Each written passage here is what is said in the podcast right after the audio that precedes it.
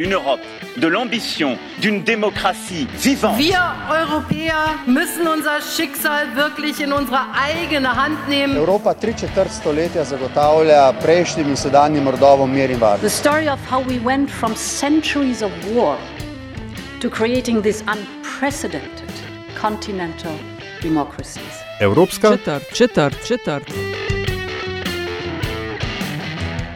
A victory at the ballot box does not mean absolute power.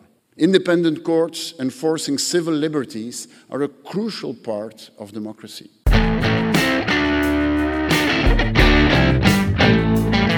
You are listening to a podcast on all things European, a podcast we call European Quarter, and is part of Metas List Media Network based in Slovenia. My name is Natasha Briški, and I am one half of the podcast team.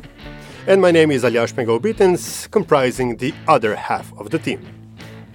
Aljaž, a while ago we spoke with uh, Roland Freudenstein, Vice President of GLOBSEC, Central Europe's biggest think tank and head of GLOBSEC Brussels, about the rule of law, a topic that seems to be in a spotlight these days when talking about EU, and I should say rightly so. And today, Natasha, we are going to delve into that particular subject some more, because of course we are. And I'm very happy to introduce uh, our next guest, uh, the guest in this episode. Uh, professor Laurent Pech is a professor of Euro- Euro- European law, uh, Jean Monnet Chair of European uh, Public Law between 2014 and 17, and head of the Law and Politics Department at Middlesex University in London. Uh, professor Pech, uh, a very warm welcome to our podcast. Thank you very much. Uh, Professor, um you are uh, researching the field, at least uh, for the past years, uh, the rule of law backsliding in Europe. Uh, so we would be interested to hear how did you define the rule of law backsliding and what's the state of your research? Thank you very much. I've been uh, researching and working in the rule of law field for actually more than 20 years now.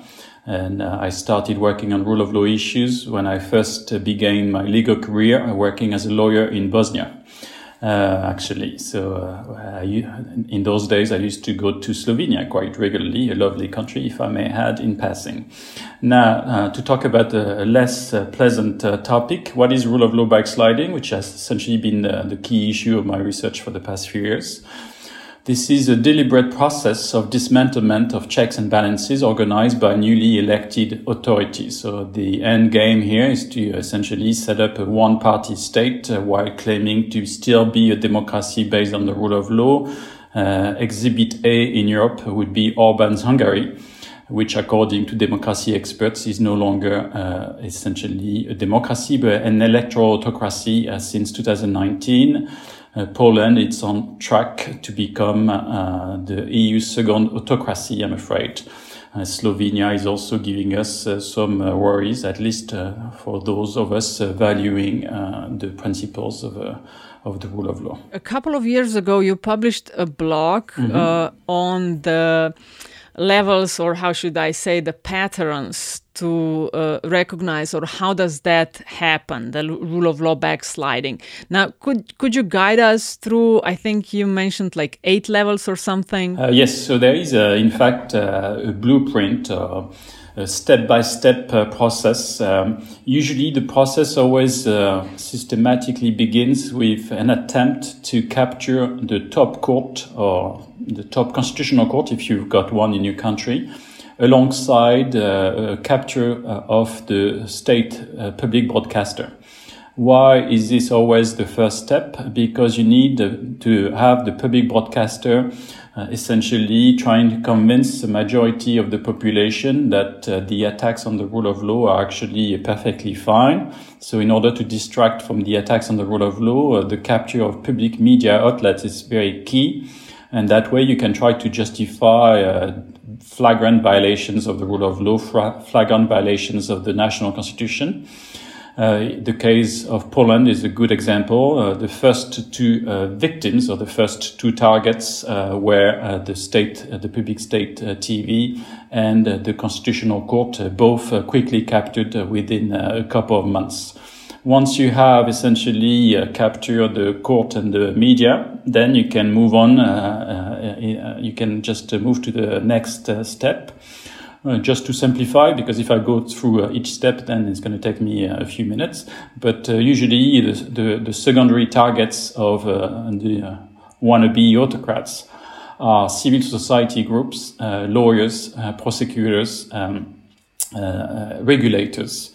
Uh, and then once you have essentially bullied into submission uh, the secondary targets I've just mentioned, uh, then usually one key final step is the changes uh, you just start uh, messing with the electoral framework to make sure that essentially uh, the following uh, legislative elections uh, might be free but are no longer fair. So essentially the, the system is rigged uh, in your favor. So this is essentially a short overview of the autocratic playbook I have talked about in my research. Professor Pech, this of course raises a number of, of uh, important and bewildering questions, even.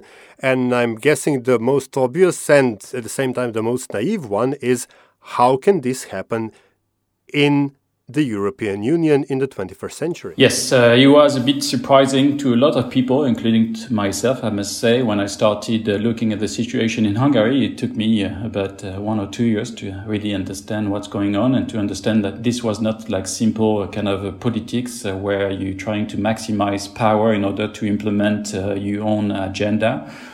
Um, so what we're, looking, what we're talking about here is essentially an autocratic uh, playbook to really move away from a democratic system based on the rule of law. EU institutions, but also uh, Council of Europe uh, bodies, I think were also a bit uh, caught off guard to some extent. Uh, now we're very familiar with this autocratic uh, playbook. Uh, but I must say, uh, this is part of a wider phenomenon. So if you look at Brexit, if you look at Trump in the US, uh, we're seeing the resurgence of auto- authoritarian forces uh, across the world. Uh, so essentially, uh, it's not no surprise that the EU has also its own autocratic issues. Um, where this is going to end, I don't know. what I can tell you is that from a legal point of view, the situation has never been worse in the EU, with uh, now essentially, uh, as regards Poland, a frontal attack on the most fundamental aspects underlying the functioning of the EU legal order. So the crisis, the rule of law crisis, which in fact is now reaching a breakdown point, is going to get worse, I think, uh, before it gets better. We haven't uh, reached a rock bottom, and it may well be that uh, we're not going to simply have uh, two autocratic regimes in the EU. We might get additional ones, at which point then uh, I think it's going to become realistic to really foresee or discuss uh, European legal disintegration. We cannot share the same legal space democracies cannot share the same legal space based on mutual trust with non-democratic uh, regimes. It's just simply not possible. The EU legal system was not built to allow uh, for the mutual recognition uh, of uh, judgments issued uh, in countries which are no longer democratic countries. You have a pinned tweet, four years old, so from 2017 on your Twitter, uh, you say if this problem of rogue member states within EU is to be solved, we believe that all EU institutions must use all of the tools at their disposal. Now, the Court of Justice of the EU uh, hit Poland with a record fine of uh, 1 million euros a day over uh, the Warsaw's failure to comply uh, with an order on judicial independence. That's the, the highest ever daily penalty imposed on EU member states. Now, Poland is saying they won't pay uh, actually, they don't have only this 1 million. I think they have three daily fines for various violations, altogether a million and six hundred thousand, and if I'm uh, correct. So, uh, how. Um, how possible is that the i mean possible technically absolutely but if poland doesn't pay the commission can deduct the fine from its pay- payments to the uh, to the country. Um, how viable do you see that? So yes so uh, this week uh, we saw the court of justice uh, based on a request by the commission. Uh, um, so essentially the court of justice imposed uh, rightly so a daily penalty payment of 1 million euro. Um, so this could have been done before, uh, but it's good that it is happening now. Uh, for just before I answer your question, I would say the, what we've seen from EU institutions so far has been essentially procrastination and de- dereliction of duties. So we wouldn't be in the legal mess we are in if the EU institutions uh, had uh, promptly and decisively acted. And I'm not simply here criticizing the Commission, but uh, the Council of the EU and the European Council should take a lot of the blame for the current uh, situation we are in. Regarding whether um, Poland or Polish authorities rather uh, can't um, uh, have a way of not paying the fine, it's actually to a large extent uh, irrelevant uh, because, uh, as you said, um, in fact, the Commission can just directly um, withdraw the money from the general budget allocate or the the, the budgetary allocation regarding Poland. But I would say more importantly, uh, the amount of the fine, the non-payment of the fine are actually uh, not uh, the most important issues. Uh, the decision of the Court of Justice is very important for the knock-on impact it's going to have on uh, different issues. If the Polish authorities do not pay, uh, uh this is going to lead uh, to other instruments um, being activated, including the rule of law conditionality regulation. So the non-payment in and of itself is, to a large extent, not that much of a big deal because if they don't pay, then this is going to lead to more legal pain and more financial sanctions against Polish authority. This is simply not a win. Uh, they can uh, actually, um, this is not a battle. They can win uh, legally speaking. Uh, but we shall see, because obviously, politically speaking, you never know. EU institutions might just run away uh, from uh, the legal problems uh, and just try to look the other way as they have done in the past. This will, however, and just my last sentence, this will, however, only uh, make the problem worse and more difficult to deal with uh, in the medium to long term. And of course, this is the the, the, the this chasm between uh, the legalistic view on one side and what is often described the political reality of things on the other is is the crux of the matter, uh, because. Uh, perhaps it's not just the European institutions, it's the member states that comprise these European institutions that that uh, are part of our problem, um, of, because there are uh, obvious differences in approaches. For example, the outgoing German Chancellor Angela Merkel often and and and, and uh, without fail compre- uh, preaches uh, negotiation, negotiation, negotiation, talking ad infinitum uh, which some other member states are frustrated with. Uh, case in point, just the recent address at the College of Europe by uh, Belgian Prime Minister, and uh, so, and, and and ultimately, you were talking about the tools at the institution's disposal. This, I would guess, uh, culminated in invocation of Article 7 of the European Treaty, which got stuck where else in the European Council, where member states have veto power. So, how do we bridge this chasm between the legalistic ideal and the, the um, political reality? So, yes, uh, essentially, as I used to say, uh, the Council is where the rule of law goes to die in the EU. Um, but this is why uh, in the EU treaty uh, we design uh, a system where uh, the law is enforced by the so-called guardian of the treaty. This is why the Commission was designed as a, body which is uh, separate and independent from the Council. The trouble is. Uh, under current leadership, the Commission is more has redefined its role. It would seem as the personal assistant of the European Council rather than the guardian of the treaties, acting independently and enforcing the law promptly, decisively. Uh, so this is the, the, the crux of the problem. We no longer have a guardian of the treaty. We have more of a kind of a assistant to the European Council. The problem, European Council members, they don't always uh, care about uh, the EU legal order, but rather their short-term uh, political uh, preferences or priorities. So we need the guardian of the treaties to stop behaving like the personal assistant of the European Council and enforce the law decisively, ruthlessly. Uh, we're reaching at some point, uh, I mean, we're going to reach a point of no return at some point where the EU legal system is going to disintegrate. Uh, so, uh, yes, national governments then might just wake up, but it's going to be too late. Um, Poland has been described essentially as a legal black hole. Uh, so, and you know, black holes have a tendency to expand. So at some point, I mean, I don't want to be overly uh, pessimistic, but uh, the crisis is going to is going to worsen exponentially. not only from an EU law point of view, but also from the point of view of the Council of Europe system.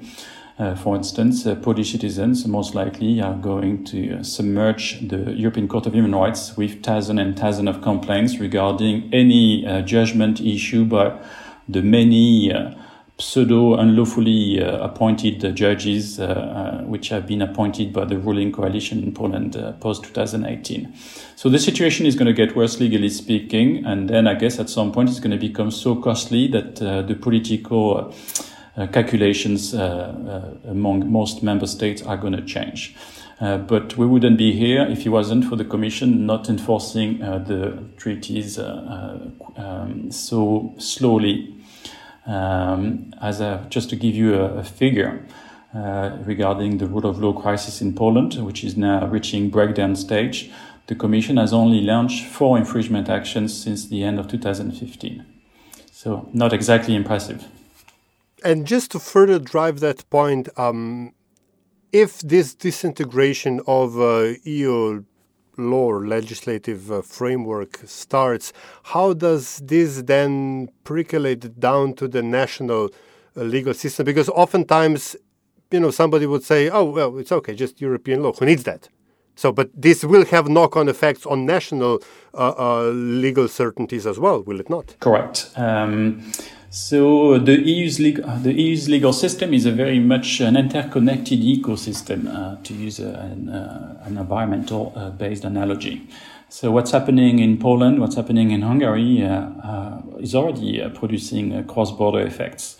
Uh, we are we sharing a, a, common European legal space. At least those in the EU share a common uh, European legal space based on a number of principles such as mutual trust and mutual recognition of uh, judgments from other EU countries. Now, when there is a rule of law breakdown in a country, when a country does become a legal black hole, then not only does it mean that the, the national government of this country is defining EU rights and obligation as an EU citizen through its participation to uh, EU's legislative processes. But uh, the legal system itself, when it starts uh, breaking down, when it's no longer independent, means that the right to fair trial is no longer guaranteed. So it means also that uh, Slovenian citizens may well be affected in their legal relationships with any resident in Poland. In case of a legal dispute in Poland uh, involving uh, non-Polish residents or non-Polish companies, then who is there to say that you will get a fair trial, you will get a dispute which is actually heard by a, a, a proper, lawfully uh, established uh, independent tribunal. Uh, so this is already having a significant impact on the functioning of the European arrest warrant uh, scheme. It will have also increasingly uh, more and more impact on cross-border commercial disputes, cross-border family law disputes, anything of a cross-border dimension. And this also, I would argue, is affecting, even though the Commission is yet to make this point, the situation in a country is also affecting the exercise of EU free movement rights. Uh, I'm thinking here about uh, discrimination and hate speech against LGBT uh, people in Poland. Why would you exercise your free movement right to Poland uh, if you're going to be subject to state sponsored uh, hatred? So I think uh, the situation is dire. The situation is going to get worse unless uh, people and uh, mostly key EU actors they start waking up. Uh, dialoguing uh, with uh, someone setting a building in fire is not going to help. So you don't dialogue with arsonists. you essentially enforce the law. we've been dialoguing in the EU with autocrats for more than a decade now, and then we are reaching the point where we don't simply have one uh, autocratic uh, country, we're going to soon have two and maybe more. So that this is going to bring the system to breaking point at some point. Uh, professor, correct me if my impression is wrong, but you don't sound very optimistic that the EU judicial system uh, will survive the Polish challenge to the EU. Um, uh, the legal uh, dynamics set in motion by the Polish Constitutional Tribunal's recent ruling. Um, so, first of all, there is no uh, constitutional tribunal left in Poland. There is a body pretending to be one because the body left is unlawfully composed. So, so from my legal point of view, um, it cannot even be considered to be a lawfully established, lawfully composed court. So you could make the argument that in fact uh, the rulings of this body have no uh, are null and void, no legal value due to the irregular composition of the constitutional tribunal. Uh, that being said, uh, if you if you Polish judge and do not comply with the bogus uh, rulings of this uh, puppet body, you're going to be subject to disciplinary actions and possibly even dismissals from the profession, if not bogus criminal charges. So the situation is dire. Um, so this is bound to have a cross-border impact, as I said. This is bound also to impact the overall uh, system of EU remedies. And now, uh, we, the, as I said, the situation is most likely going to get worse uh, until the EU does fully, uh, and I'm talking about the EU, I mean the Commission and the Council of the EU slash European Council, uh, they face up to their duties. Uh, but sadly, uh, some uh, key actors, uh, like the German chancellor, uh, uh, are just living in an alternative reality where they think dialogue is working. as I said, after 10 years of dialogue with Orban, Hungary is no longer a democracy. so what we've seen through this dialogue, in fact, is the consolidation of mafia state quasi structures uh, Hungary under Orban has been described as a mafia state. Uh, you could make the same claim regarding Bulgaria. In both cases, uh, uh Merkel uh, has played a, crucial role in preventing uh, meaningful EU actions. So yes, the situation is gonna is is bad, is dire. It's going to get worse. The Court of Justice is doing a good job, but the Court of Justice can only act when it gets enforcement actions from the Commission.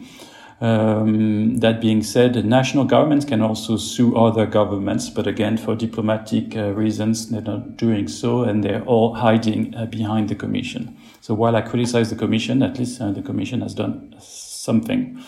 Whereas uh, some governments uh, like to pretend uh, that they value the rule of law, but then uh, they have to put uh, their money where their mouth is. So I'm thinking here about the German and the French government most, mostly because they are the two most influential governments.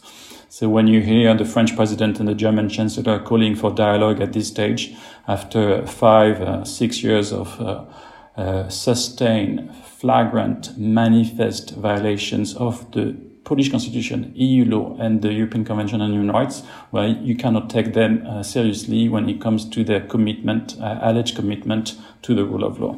This is a time for action. This is not a time for dialogue. Um, now, Europe has been through many crises over the last decade. Uh, how, or should I say, why is this one on rule of law any different? Maybe because the enemy is coming from the inside.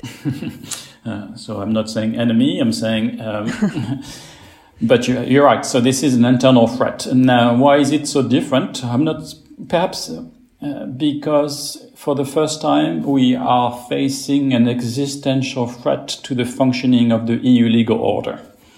Uh, Brexit, uh, the so-called migration crisis, uh, were mostly specific crisis not fundamentally uh, able to undermine the day-to-day functioning of the EU legal system. So this is why I would say uh, this, from a legal point of view, this is by far uh, the most severe, unprecedented crisis since the very birth of the EU. We have never seen such a, a blatant frontal attack on the fundamental principles underlying the EU legal order since, since the European integration started in the 1950s. As I said, uh, you cannot have a shared uh, legal space, space based on mutual trust and mutual recognition when the EU stops being a club of democracies, but a club of democracies and autocracies. The EU legal system is not going to be able to cope with this unless, of course, I guess uh, the only way to then uh, coping with it is just to pretend that it's not happening. But to what extent denial is going to be a viable uh, strategy, I doubt it very much. I would say at some point, uh, national courts and also uh, taxpayers in a number of countries are then going to start challenging uh, the uh, EU legal order, but for different reasons, by saying the EU legal order is not addressing uh, the rule of law backsliding issue, and therefore that they should also stop complying with EU law to protect actually their system from the what I have described as autocratic gangrene. Uh, so to use uh, again a, a, strong analogy, if you let's say a Dutch court uh, or Dutch taxpayer, why would you uh, uh, comply with Polish judgments? Why would you give money to Poland when the, the, the judicial independence has been disabled structurally, systematically? Uh, this is bound to create possibly uh, a lose-lose situation for the EU both uh, attacked uh, by autocratic forces and at the same time losing support from pro-democracy and rule of law constituencies. This is why Merkel's logic makes no sense. Uh, you cannot have unity uh, by just uh, denying the problem. This is fake unity uh, in the long term. you cannot have unity with someone burning the building down. This makes no sense from my point of view. So, um, if I understand you correctly, on one hand, we have the failure to act uh, of the European institutions, notably the Commission, who, in your view, is dragging its feet as a guardian of, of the treaty. Uh, notable exception, the ECJ, which uh, does uh, does the actual rulings, uh, and then on the other hand, um, member states, or at least the the most uh, um, the bigger member states, Germany and France, who uh, don't do that why i mean is there an economic incentive or disincentive or or, or what, what what's the gameplay on a on a inter member state level here uh, you will have to ask a political scientist. I'm a, a lawyer, so my area of expertise would be uh, obviously on uh, legal matters. I mean, I can understand the political dynamics, but I wouldn't claim any uh, special expertise. Uh, what I'm saying is that regularly uh, the French and German governments are, are, calling for respect for the rule of law, but then when you look at their actions, uh, then uh, it's not uh, in adequation with the rhetoric. So the rhetoric is very strong, uh, the deeds less so. everyone seems to be, every government seems to be hiding behind the Commission, and the Commission in turn is saying, we're not going to act unless we get political backing uh, from uh, most members of the council. So it's kind of a chicken and the egg uh, situation where everyone else is waiting for someone else uh, to act. So this has been the situation for the past uh, few years with really only a legal action uh, only on almost always on a too little, too late basis, uh, which is why the problem keeps getting worse. Now, obviously, a lot is going on. Threats to the rule of law in uh, EU country uh, is threatening the functioning of the union as a whole. What should, in your opinion, we pay attention in the upcoming months? Uh, not an easy uh, question to quickly answer. I would say on the rule of law front, so there's going to be a lot happening, especially especially in the Court of Justice, but also in the European Court of Human Rights. Uh, Polish authorities uh, are going to keep uh, losing legal cases.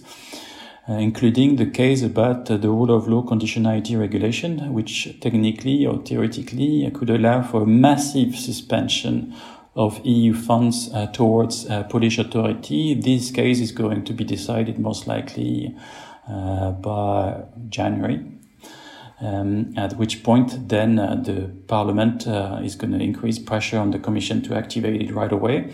Actually, uh, the parliament is also about to sue the commission for failure to activate this regulation. So the situation is getting uh, more tense, uh, rightly so, with the European Parliament uh, getting fed up with both the commission and the council. Uh, at the same time, the legal situation in Poland is going to get worse uh, if um, the Court of Justice does its best. But at some point, I think uh, national courts in other member states might just get tired of waiting and might just uh, stop on their own motion uh, the the application of EU uh, mutual trust based mechanisms. So we might end up with, a, as I said, a, a lose-lose situation from the point of view of the EU. Um, so we shall see. Uh, we have elections, I think, in uh, Hungary uh, um, and Poland soon. Uh, so uh, maybe um, maybe this is going to help uh, solve the problem, but most likely no.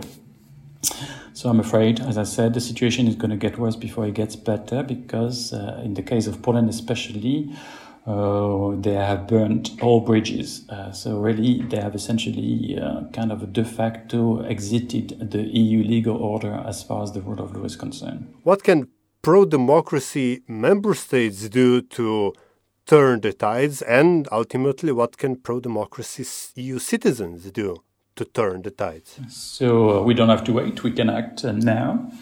Uh, so uh, national governments, national parliaments uh, can play a decisive role. Um, uh, the Dutch parliament, for instance, has played a leading role in uh, raising rule of law issues in other countries, especially Poland, and asking the Dutch government to take meaningful actions in Brussels. So I think what the Dutch parliament has done should be emulated by other parliaments. For citizens, um, then uh, I guess you can either join civil society groups or at least uh, uh, make financial donation to those uh, fighting the good fight in the trenches. I'm talking about uh, NGOs, uh, which everywhere are subject essentially to legal and informal harassment. I'm talking about especially Hungary here, but also the situation in Poland or Slovenia. Um, the EU, um, also um, uh, lawyers, I would say, legal professionals, uh, journalists, um, uh, and civil society groups or committed citizens should get together and also make sure uh, when it comes, for instance, to spreading awareness of uh, rule of law backsliding in your own country, to join forces.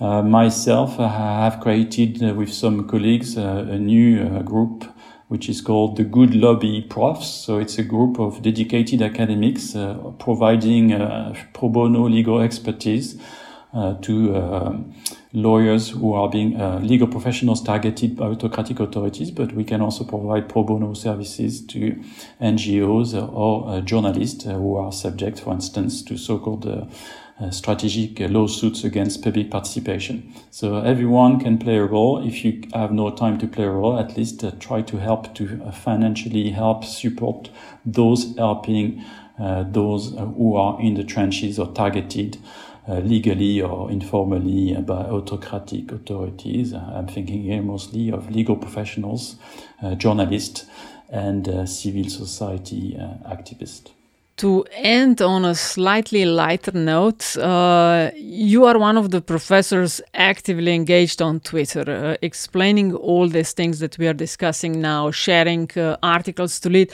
Uh, how does that work for you? Well, it makes me very tired on a day to day basis, I have to say. Uh, that's, I'm not sure if it's working uh, well. I mean, essentially, my interest in rule of law issues were more was more of a technical nature 20 years ago. Uh, but when you're seeing a fundamental, uh, uh, sustained uh, attack on the rule of law as a foundational uh, value of the EU and the member states, I think it's time to move beyond just a technical scholarship and also try to make your legal expertise available to those uh, who do not have it. Um, so it's important, I think, as a rule of law scholar, to play a, a public role in the defense of the rule of law. Uh, so uh, whether this is called activism or not, it doesn't matter to me. Uh, but I think uh, when the uh, when the constitutional system is under attack, uh, when the fundamentals of the EU legal system are under attack, you have a moral duty uh, as a scholar specializing in the rule of law uh, to actually try to prevent uh, this from happening, or at least try do your best to contain the problem as much as you can. Thank you very much, Professor. Thank you. You have been listening to European Quarter. Uh, we'll continue our conversation on all things European soon. And as always, thank you for tuning in. And until next time, watch this space.